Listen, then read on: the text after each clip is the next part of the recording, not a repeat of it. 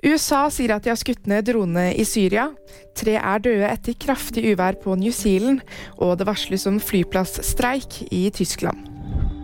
USA sier at de har skutt ned en iranskprodusert drone. Det melder US Central Command på Twitter. Der skriver de at dronen skal ha blitt skutt ned nordøst i Syria, og at den skal ha forsøkt å drive rekognosering ved den amerikanske basen Mission Support Site Konoko. Nedskytinga skjedde rundt halv tre lokal tid, det skriver Centcom. Syklonen Gabrielle herjer på New Zealand. Minst tre personer er bekreftet døde som følge av uværet. Uværet har rammet landet hardt, og regjeringen erklærte på tirsdag unntakstilstand. Statsminister Chris Hipkins sier at uværet er det verste landet har opplevd på en generasjon. Det blir flyplassstreik i Tyskland på fredag. Fagorganiserte i tyske Verdi går ut i streik. Frankfurt og München, to av Europas travleste flyplasser, er blant dem som rammes.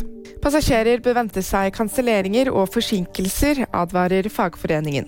Og VG-nyheter fikk du av meg, Ingrid Alice Mortensen.